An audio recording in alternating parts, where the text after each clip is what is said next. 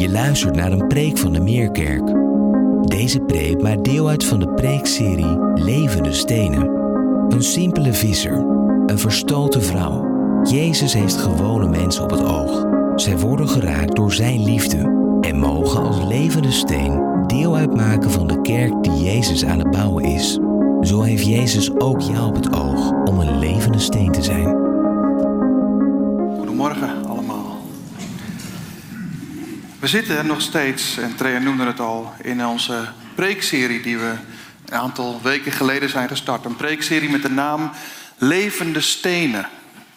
Het is gebaseerd op een eh, Bijbelgedeelte uit 1 Petrus 2, waar staat: Voeg u bij Hem, Jezus Christus, de levende steen, en laat je ook zelf als levende stenen gebruiken. Daar is het op gebaseerd, de preekserie van dit moment waar we momenteel in zitten. De afgelopen weken hebben we samen nagedacht over en gekeken naar een aantal mensen die levende stenen werden nadat ze een ontmoeting hadden gehad met de levende steen Jezus Christus zelf. Een opsomming van die levende stenen van de afgelopen weken. We hebben nagedacht over een zondares, een tollenaar, een fariseer, een Samaritaanse vrouw, een overspelige vrouw. En vorige week een blinde man onder leiding van Oscar Lohuis die ons daarin meenam. En vandaag kijken we naar het verhaal van een opgewekte man. En Thea noemde het al, is het een opgewekte man of een opgewekte man? Wat we wel weten in ieder geval is dat hij opgewekt was. Het is een bekende van ons, denk ik. Het is een man genaamd Lazarus. En dat verhaal van Lazarus, dat vind je in het evangelie van Johannes. Hoofdstuk 11, vers 1 tot en met 45. Dat is het verhaal wat over het grootste deel over Lazarus gaat. Maar de gebeurtenissen in dit verhaal, in dat hoofdstuk, dat willen we in grote lijnen doorlopen. Maar we willen een heel ander Bijbelgedeelte lezen dan Johannes hoofdstuk 11. We willen namelijk een gedeelte lezen uit Johannes hoofdstuk 12. Dus we gaan een deel lezen uit Johannes hoofdstuk 12 om Johannes hoofdstuk 11 voor een groot gedeelte te overdenken. Dus laten we beginnen met Johannes hoofdstuk 12. En ik lees uit de MBV-vertaling de eerste 11 versen. Johannes hoofdstuk 12. Zes dagen voor Pesach ging Jezus naar Betanië waar Lazarus woonde, die hij uit de dood had opgewekt. Daar hield men ter ere van hem een maaltijd. Martha bediende en Lazarus was een van de mensen die bij hem aanlagen. Maria nam een kruikje vol kostbare, zuivere nardusolie, zalfde daarmee de voeten van Jezus en droogde ze af met haar haar. De geur van de olie trok door het hele huis. Judas Iscariot, een van de leerlingen, degene die hem zou uitleveren, die vroeg: Waarom is die olie niet voor 300 denari verkocht om het geld aan armen te geven? Dat zei hij niet omdat hij zich bekommerde over de armen. Hij was een dief en hij beheerde de kas en hij stal eruit. Maar Jezus zei: Laat haar. Ze doet dit voor de dag van mijn begrafenis. De armen zijn immers altijd bij jullie, maar ik niet. Veel Joden hadden gehoord dat Jezus daar was en gingen naar hem toe. En niet alleen om hemzelf, maar ook om Lazarus te zien, die hij uit de dood had opgewekt. De hoge priesters beraamden intussen een plan om ook Lazarus te doden, omdat hij er de oorzaak van was dat veel Joden naar Jezus gingen en in hem geloofden. Tot zover het woord van God. Ik weet niet wat, uh, wat er in jou opkomt als je dit zo leest. Wij lezen natuurlijk met de wetenschap uh, wat het toen is en wat het nu is. Wij kunnen vooruitkijken om uiteindelijk straks ook terug te blikken. Maar ik vind het eigenlijk wel een beetje sneu voor Lazarus dat hij opgewekt is. Ben je dus overleden? Word je opgewekt? Om vervolgens de rest van je leven te vrezen voor je leven omdat er mensen achter je aan zitten die je dood willen hebben. Soms denk ik wel eens, had Lazarus niet beter afgeweest als hij helemaal niet was opgewekt. En soms denk ik dat Lazarus dat ook wel eens heeft moeten denken. Was ik maar niet opgewekt. Hij vreest vervolgens voor zijn leven. Wat we hier zien in hoofdstuk 12 is in ieder geval een levende Lazarus die als een opgewekte man door Betanië heen wandelt. Als een levende steen. Maar dat niet alleen. Veel Joden vinden het leven in Jezus Christus door deze opgewekte man. En zelfs dat niet alleen. We lezen verderop dat alle mensen die getuigen waren van het moment dat Lazarus uit de dood werd opgewekt door Jezus, dat al die mensen zijn blijven vertellen over wat ze daar gezien hebben. Met als gevolg dat de fariseeën, als je verder in hoofdstuk 12 leest, leest dan zeggen die fariseeën tegen elkaar, kijk, de hele wereld loopt achter Jezus aan. Het is misschien een beetje een gekke, onlogische volgorde om met hoofdstuk 12 te beginnen, om dan vervolgens terug te kijken op hoofdstuk 11. Maar ik hoop dat het ons zal helpen om door die bril van hoofdstuk 12 te kijken naar hoofdstuk 11. Dus we hebben hier een bril aangereikt. En dat is de bril waardoor we heen mogen kijken en de dingen anders misschien wel mogen zien als we terugblikken op dat leven van Lazarus. Ik hoop niet alleen dat het ons anders doet kijken naar die eerdere gebeurtenissen toen, maar ik hoop ook dat het ons wellicht zal helpen om anders te kijken naar onze persoonlijke situaties nu. Want de bril waardoor je heen kijkt, dat bepaalt je wereldbeeld, je zelfbeeld, je godsbeeld. En in veel gevallen, voor heel veel mensen, is dat alles behalve positief of hoopvol. Maar wanneer je de bril opzet die Jezus je aanbiedt, dan verandert dat alles. Voor altijd. Dus laten we kijken naar Johannes hoofdstuk 11. En het zijn de eerste 45 versen, we gaan ze niet lezen, maar ik ga er gewoon in stappen doorheen. Als we Johannes hoofdstuk 11 lezen, dan zien we daar eigenlijk gelijk dat Lazarus op een goed moment ziek wordt. En hij wordt ernstig ziek. Zo ziek zelfs dat zijn zussen, Martha en Maria, dat zij iemand naar Jezus toesturen met de boodschap dat zijn vriend Lazarus ziek is. Waarschijnlijk sturen ze die man of die vrouw naar, naar Jezus toe in de verwachting dat Jezus zou doen wat hij al veel eerder en veel vaker heeft gedaan, namelijk iemand genezen. En zeker gezien dat het feit dat Lazarus en Martha en Maria, dat dat vrienden van Jezus zijn. Het Bijbelgedeelte zegt dat Jezus van hen hield. Als je dat weet, dan zou je toch wel mogen verwachten hè? Dat Jezus gelijk op zijn kameel springt, of weet ik veel ander vervoersmiddel, maar dat hij in ieder geval gelijk actie onderneemt om te gaan naar zijn zieke vriend die op sterven ligt. Dat doet elke vriend toch? Gelijk actie ondernemen. Maar Jezus doet dat niet. Hij hoort dat zijn vriend ziek is. Hij zou hem in theorie en in de praktijk op afstand kunnen genezen. Dat is helemaal geen probleem voor Jezus. Heeft hij eerder gedaan. Kan hij ook dan doen. Sterker nog, hij had helemaal geen boodschapper waarschijnlijk nodig, want hij wist van tevoren al dat Lazarus ziek zou worden. Maar hij doet het niet. In tegenstelling zelfs. In tegenstelling tot de gehoopte en misschien wel verwachte en uitgestippelde reactie en oplossing die Jezus zou moeten bieden, doet hij totaal iets onbegrijpelijks. Hij wacht. Hij blijft twee dagen op de plaats waar hij is. Hij komt helemaal niet in beweging. Hij doet helemaal niks. Hij gaat niet gelijk naar zijn vriend toe die ziek is. Hij wacht gewoon tot Lazarus sterft. Zijn vriend.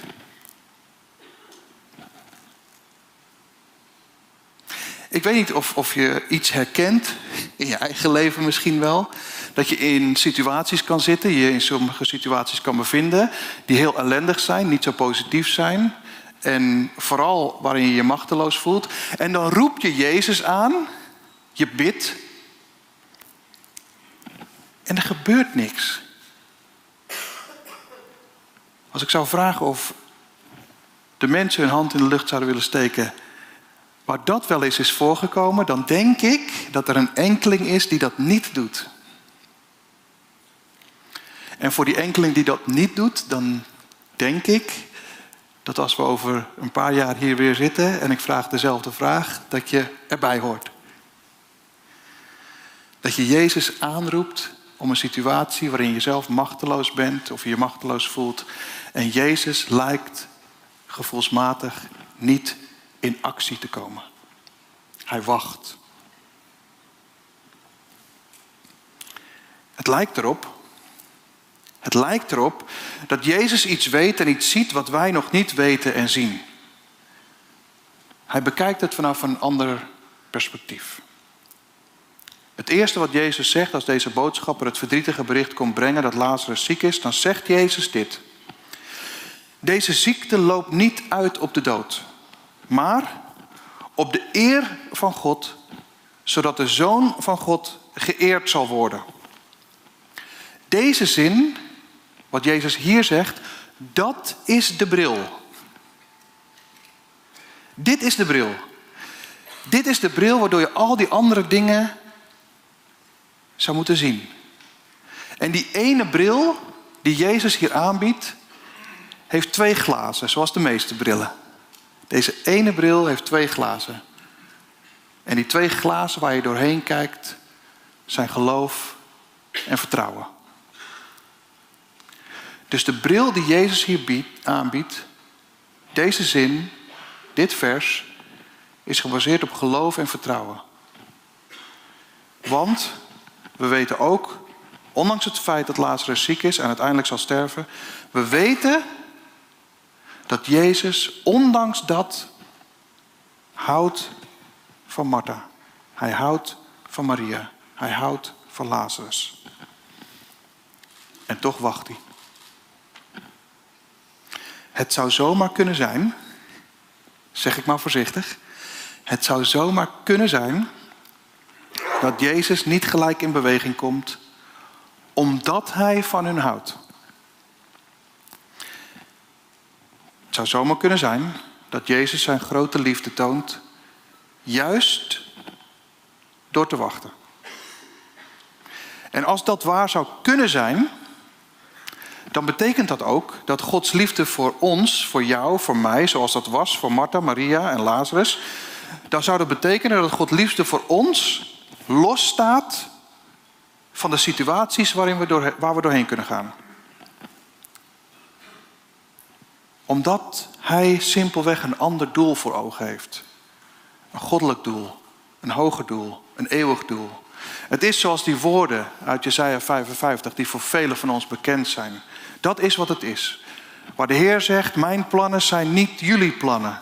En jullie wegen zijn niet mijn wegen, zo spreekt de Heer. Want zo hoog als de hemel is boven de aarde, zo ver gaan mijn wegen jullie wegen te boven en mijn plannen jullie plannen. En dat is toch ook wel enigszins frustrerend. Waar of niet? Dat alles wat God kan doen, niet per definitie is wat God zal doen.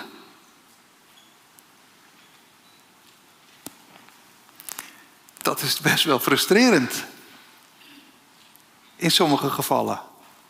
Alles wat God kan doen, zo, in één seconde, dat is niet per definitie wat hij zal doen.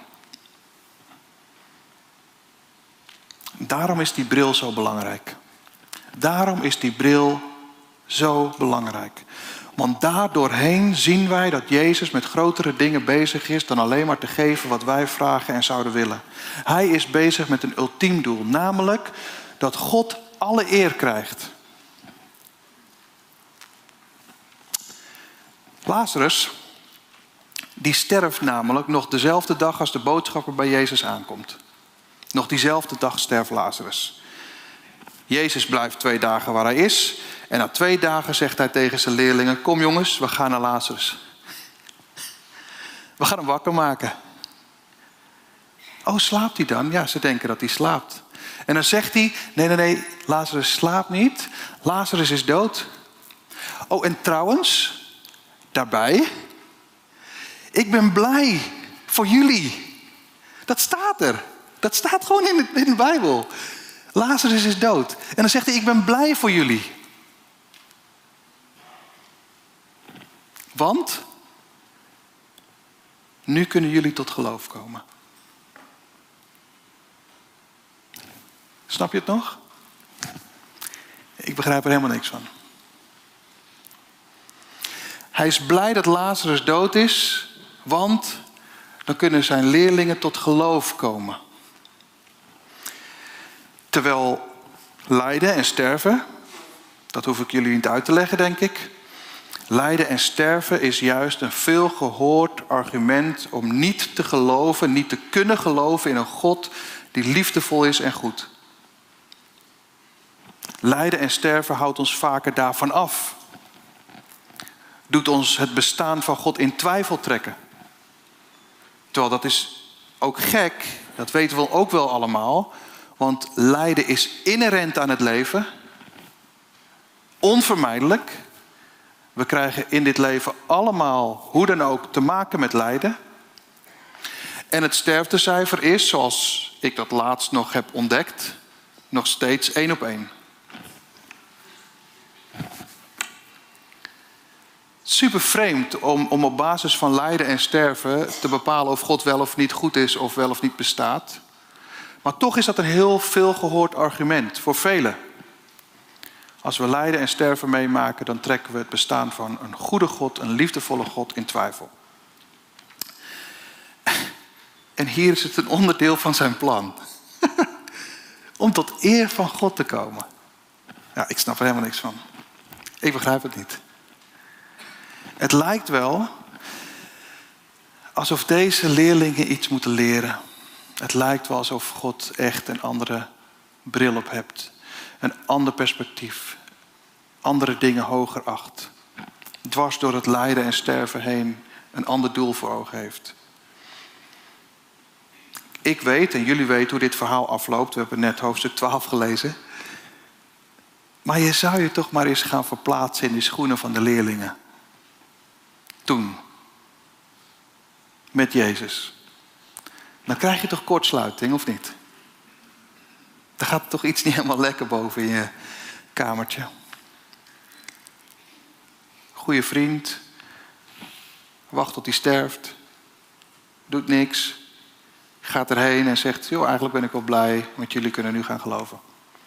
En dan gaan ze erheen. Ja, ik, ik snap het niet. Dan zijn ze bijna bij Lazarus. En Martha, die hoort dat. Martha, die hoort dat Jezus bijna bij, bij hun is aangekomen. En dan gaat zij richting Jezus.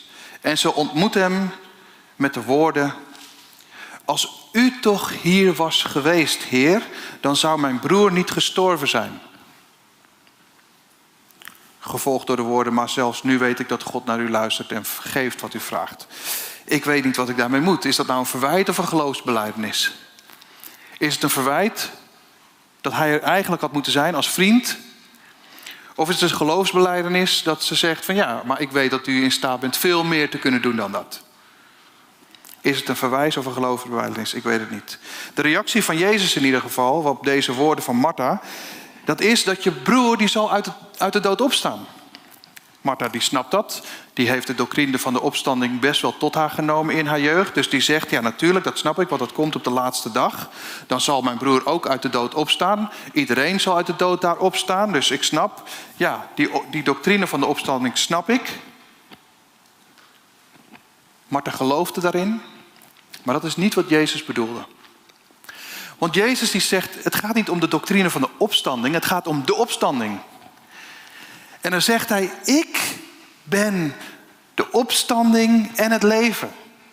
Wie in mij gelooft, zal leven, ook wanneer hij sterft. En ieder die leeft en in mij gelooft, zal nooit meer sterven. Geloof je dat, Martha? Wat een woorden. En ik kan me zo goed voorstellen dat als je in de schoenen van Martha zou staan, en ook van Maria, die straks nog aan het woord komt, ik kan me zo goed voorstellen dat die hele doctrine van de opstanding, wat je hebt geleerd uit de doden, dat dat soms kan voelen als een waarheid die voor nu helemaal niet uitmaakt. Je kan erin geloven en dat kan hoop geven, maar dat maakt voor nu het gemis en het pijn en het verdriet niet minder. Dat kennen wij denk ik ook allemaal wel. Maar Jezus zegt, het zijn niet alleen maar woorden voor de toekomst. Het is een realiteit van nu. Ik ben de opstanding en het leven. Zoek je troost niet in de doctrine van de opstanding, maar zoek je troost in de opstanding zelf. Martha bemoedigt. En die gaat terug naar de zus. Die zegt, Maria, Jezus is er. Iets te laat weliswaar, maar hij is er. En dan gaat Maria ook naar hem toe. En waarschijnlijk hebben ze niet zo goed besproken waarmee ze zijn begonnen toen ze Jezus zagen. Want Maria gebruikt exact dezelfde woorden die Martha gebruikte. Want dan zegt Martha, of Maria, als Maria dan bij Jezus komt, dan begint ze met die exact dezelfde woorden. Als u toch hier was geweest, Heer, dan zou mijn broer niet gestorven zijn. Een verwijt of een geloofsbeleidenis, ik weet het niet. Maar naar Maria's woorden is de reactie van Jezus heel anders. Naar Maria's woorden zien we dat Jezus door een rollercoaster gaat van emoties. Dan staat er dat hij diepe emoties heeft ervaren van ergernis, van bewogenheid, van intens verdriet. Dat is de reactie op Maria. En dan gaat hij mee naar het graf. Hij vraagt, waar hebben jullie Lazarus neergelegd? En ze nemen hem mee naar waar Lazarus begraven ligt in een grot met een steen ervoor. En ze zeggen, ja, hier ligt hij al vier dagen. Al vier dagen ligt hij hier. En dan zegt Jezus, haal die steen maar weg. En dan komt Martha weer, die zegt, ja, hij, uh, ik weet het niet, maar het is niet zo best uh, als we die steen weghalen. Ik heb je toch verteld, Martha, net, dat ik de opstanding in het leven ben? Dat je broer zal opstaan uit de dood? Ben je, ben je dat alweer vergeten? Dus rol die steen maar weg. En dan rollen ze die steen weg. En dan staat er dat Jezus gaat bidden. En dan zegt Jezus in zijn gebed dit. U verhoort mij altijd, dat weet ik. Maar dit zeg ik ter wille van al deze mensen hier, opdat ze zullen geloven dat u mij gezonden hebt. Lazarus is niet de hoofdpersoon van dit verhaal, lijkt het wel. Ik zeg dit ter wille van alle mensen hier, opdat ze zullen geloven. En dan roept hij Lazarus naar buiten met de woorden: Lazarus, kom naar buiten. En daar als een opgewekte man komt hij uit het graf. Opgewekt. Wat een verhaal. Wat een verhaal. Ik denk dat je erbij had moeten zijn om het echt te kunnen geloven. Wat een verhaal. En weet je, dit verhaal van Lazarus dat gaat niet eens over Lazarus. Dat is toch het mooiste. We lezen het verhaal en we overdenken het verhaal van Lazarus, wat niet over Lazarus gaat. Lazarus is niet de hoofdpersoon van dit verhaal. Martha en Maria ook niet. Het is Jezus die de hoofdpersoon is van dit verhaal. Jezus is het hoofdpersoon van het verhaal van Lazarus. Lazarus werd een levende steen. Lazarus werd de oorzaak dat vele mensen uiteindelijk tot geloof kwamen in Jezus. Dat bracht God alle eer. Maar het is Jezus die de hoofdpersoon is van dit verhaal. Lazarus opwekken uit de dood had in essentie dus ook niets met Lazarus te maken. Ik noemde het al. Hij werd opgewekt om daarna gewoon weer te sterven. Je gaat nog een keer meemaken wat je al meegemaakt hebt en wat waarschijnlijk niet zo fijn is. Maar het was tot eer van God. Tot geloof van zijn leerlingen en alle mensen daar aanwezig. En van hen die in de toekomst tot geloof zouden komen, ook wanneer ze Lazarus zouden spreken of zijn getuigenis zouden horen.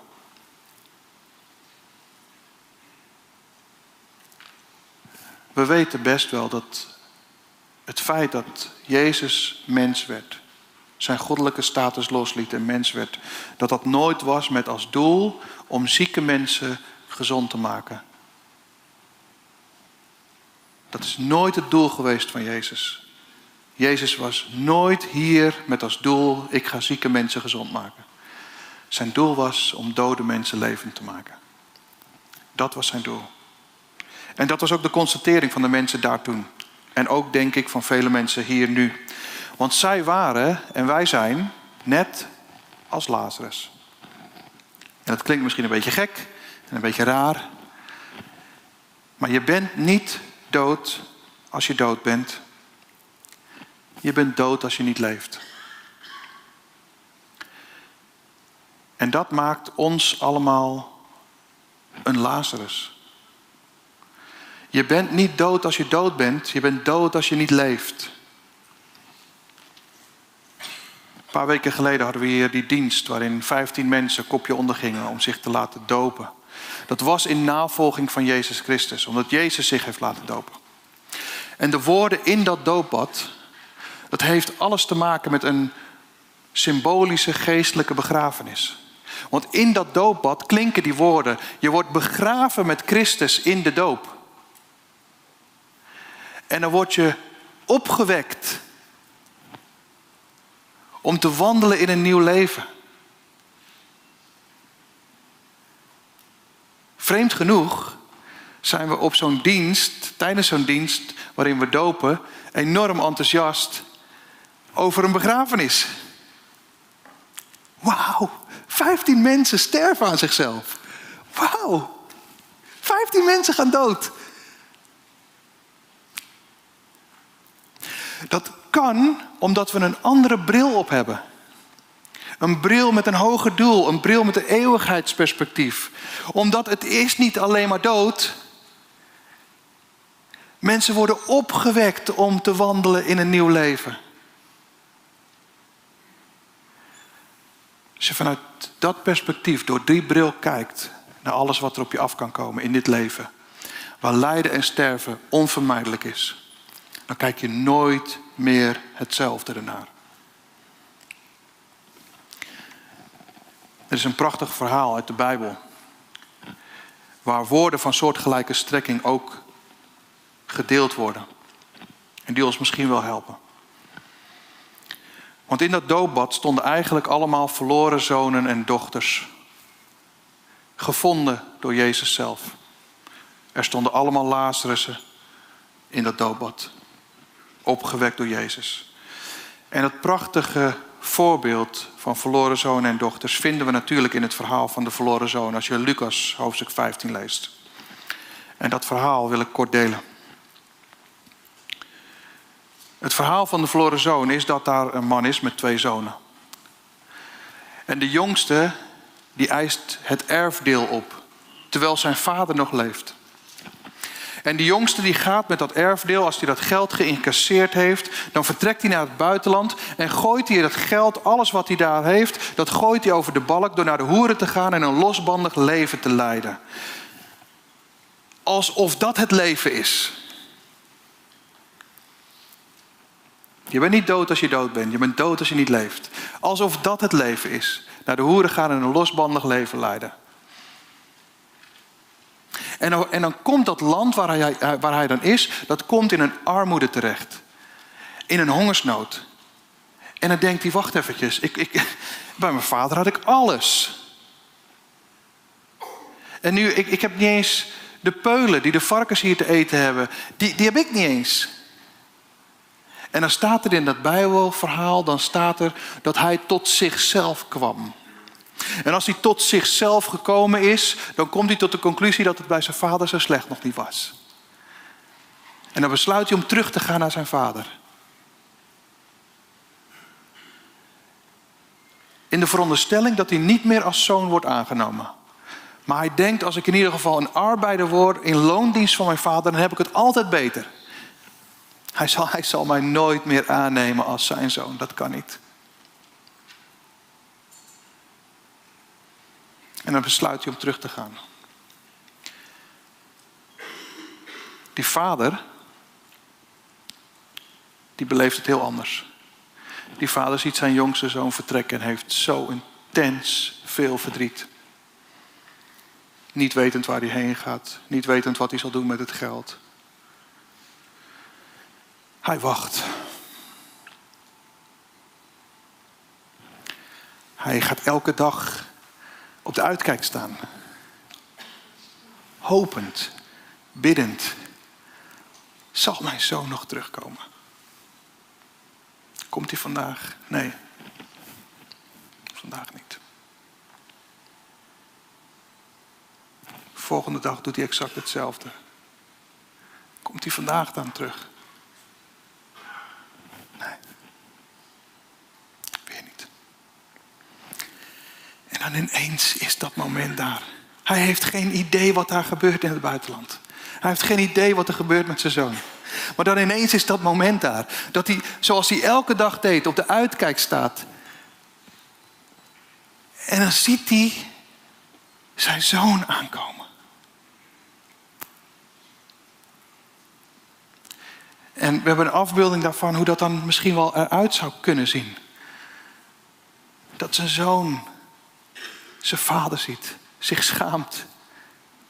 Ik kan toch niet als uw zoon geaccepteerd worden? Maar het tegendeel is waar. Zijn vader omarmt hem. Hij heeft zijn zoon terug. Hij gaat feest vieren. Want, want, zo zegt hij, deze zoon van mij was dood, maar hij is weer levend geworden. Dat is waar we over praten. En zo zitten wij hier. Misschien ook wel als verloren zonen en verloren dochters. Denkend dat we het leven hebben omarmd, maar niets is minder waar. God kijkt naar je uit. Hij verlangt naar je. Hij mist je. Hij houdt van je. En als jij op een goed moment tot jezelf komt en besluit om terug te gaan naar God de Vader, dan omarmt Hij jou. En viert hij het grootste feest wat je maar kan bedenken in de hemel. Want als één iemand tot inkeer komt, is het een feest in de hemel. Want dan ben je niet meer dood. Dan ben je opgewekt en leef je. En dat is wat hij wil geven. Leven. Hij wil jou leven geven. En daarom wil ik deze vraag aan ieder van ons stellen. Ga jij opgewekt door het leven? Ga jij opgewekt door het leven? En dat gaat veel dieper en veel verder dan vrolijk zijn en 24-7 happy die klepje door het leven heen wandelen. Nee, daar heb ik het niet over. Als je opgewekt door het leven gaat, dan kijk je door die ene bril van geloof en vertrouwen. Aangeboden door Jezus Christus zelf. Waardoor je nooit meer richting een hopeloos einde gaat, maar je in Hem eindeloze hoop vindt. Dwars door alle pijn, dwars door alle ziekte, dwars door al het verdriet en al het gemis heen. En dat trof mij vorige week. Ik weet niet voor degenen die hier vorige week waren. Als je vorige week was. Dan misschien herken je iets in het verhaal wat ik wil delen. En waar ik mee wil afsluiten. Soms kan je naar de kerk gaan en denken van joh, hoe gaat God tot me spreken? Is het door een preek? Is het door een lied? Is het door een ontmoeting in een koffieruimte? Geen idee. En soms kan je getroffen worden door iets wat helemaal niet zo vanzelfsprekend is. Dat was voor mij afgelopen week zo. Vorige week toen ik hier zat, toen werd ik enorm getroffen door de mensen die hier stonden op het podium. Dwars door alle pijn, ziekte, verdriet en gemis heen stonden hier drie mensen als focals, in ieder geval. Jacob stond hier. Nelke stond hier. En Eva stond hier. Jacob die op 2020 zijn moeder verliest. Zijn moeder die 51 jaar is geworden. Nelke die hier staat, wiens man ernstig ziek is en al jaren heel veel zorg heeft. Eva die hier staat en in 2019 haar zoontje van drie verliest. Zij zingen, zij zingen dat we nooit zullen vergeten wat een wonder van genade. Zingen zij. Kom op. I don't care wat we zingen. En hoe het overkomt. En of het perfect was allemaal. Dit is de gemeente waar ik bij mag horen. Met pijn, verdriet, gemis. Intens. Dat staat hier op het podium en zingt. Dat we nooit zullen vergeten. Wat een wonder van genade. En we zingen halleluja. Prijs de Heer. Amen. Dat zijn voor mij levende stenen. Het gaat zoveel verder. Dan je die kleppie. Dit is het echte leven. En zo, zomaar drie verhalen op het podium. Maar er zullen talloze mensen in de zaal hebben gezeten met soortgelijke verhalen. Zij hebben hetzelfde meegezongen. Ik wil alvast de band opvragen om straks ook met elkaar te gaan zingen. Wat ik in ieder geval wil delen is dat opgewekt door het leven gaan, is levend door het leven gaan. Omdat je de opstanding en het leven hebt omarmd. Dan bekijk je de wereld, jezelf en God door de bril van geloof en vertrouwen. Dan word je als een Lazarus, opgewekt uit genade om een levende steen te worden, waardoor de wereld zal zien dat Jezus Christus het licht is, welke in en door jou heen zal schijnen, opdat de Zoon van God geëerd zal worden. Amen. Laten we bidden.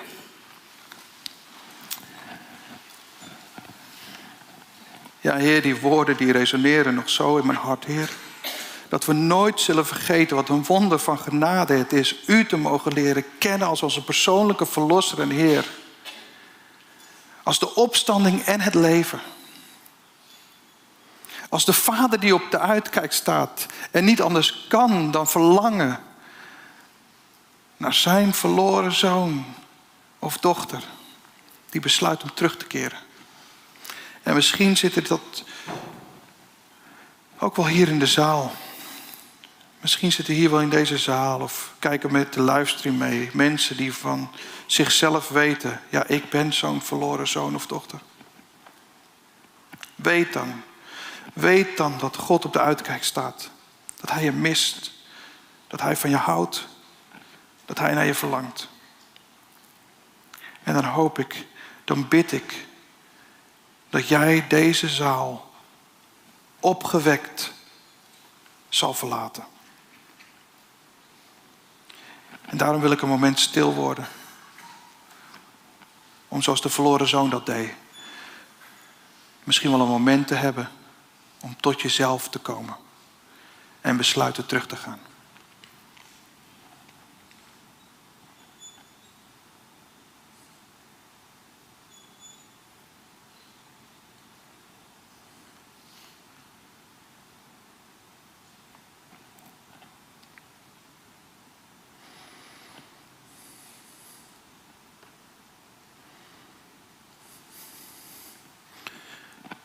Wel, Heer Jezus. Dat u een bril aanbiedt van geloof en vertrouwen. Dat u ons omarmt als uw kind. En dat het een feest in de hemel is. Als we net in ons stille gebed hebben gezegd: Ja, Heer, u omarm ik.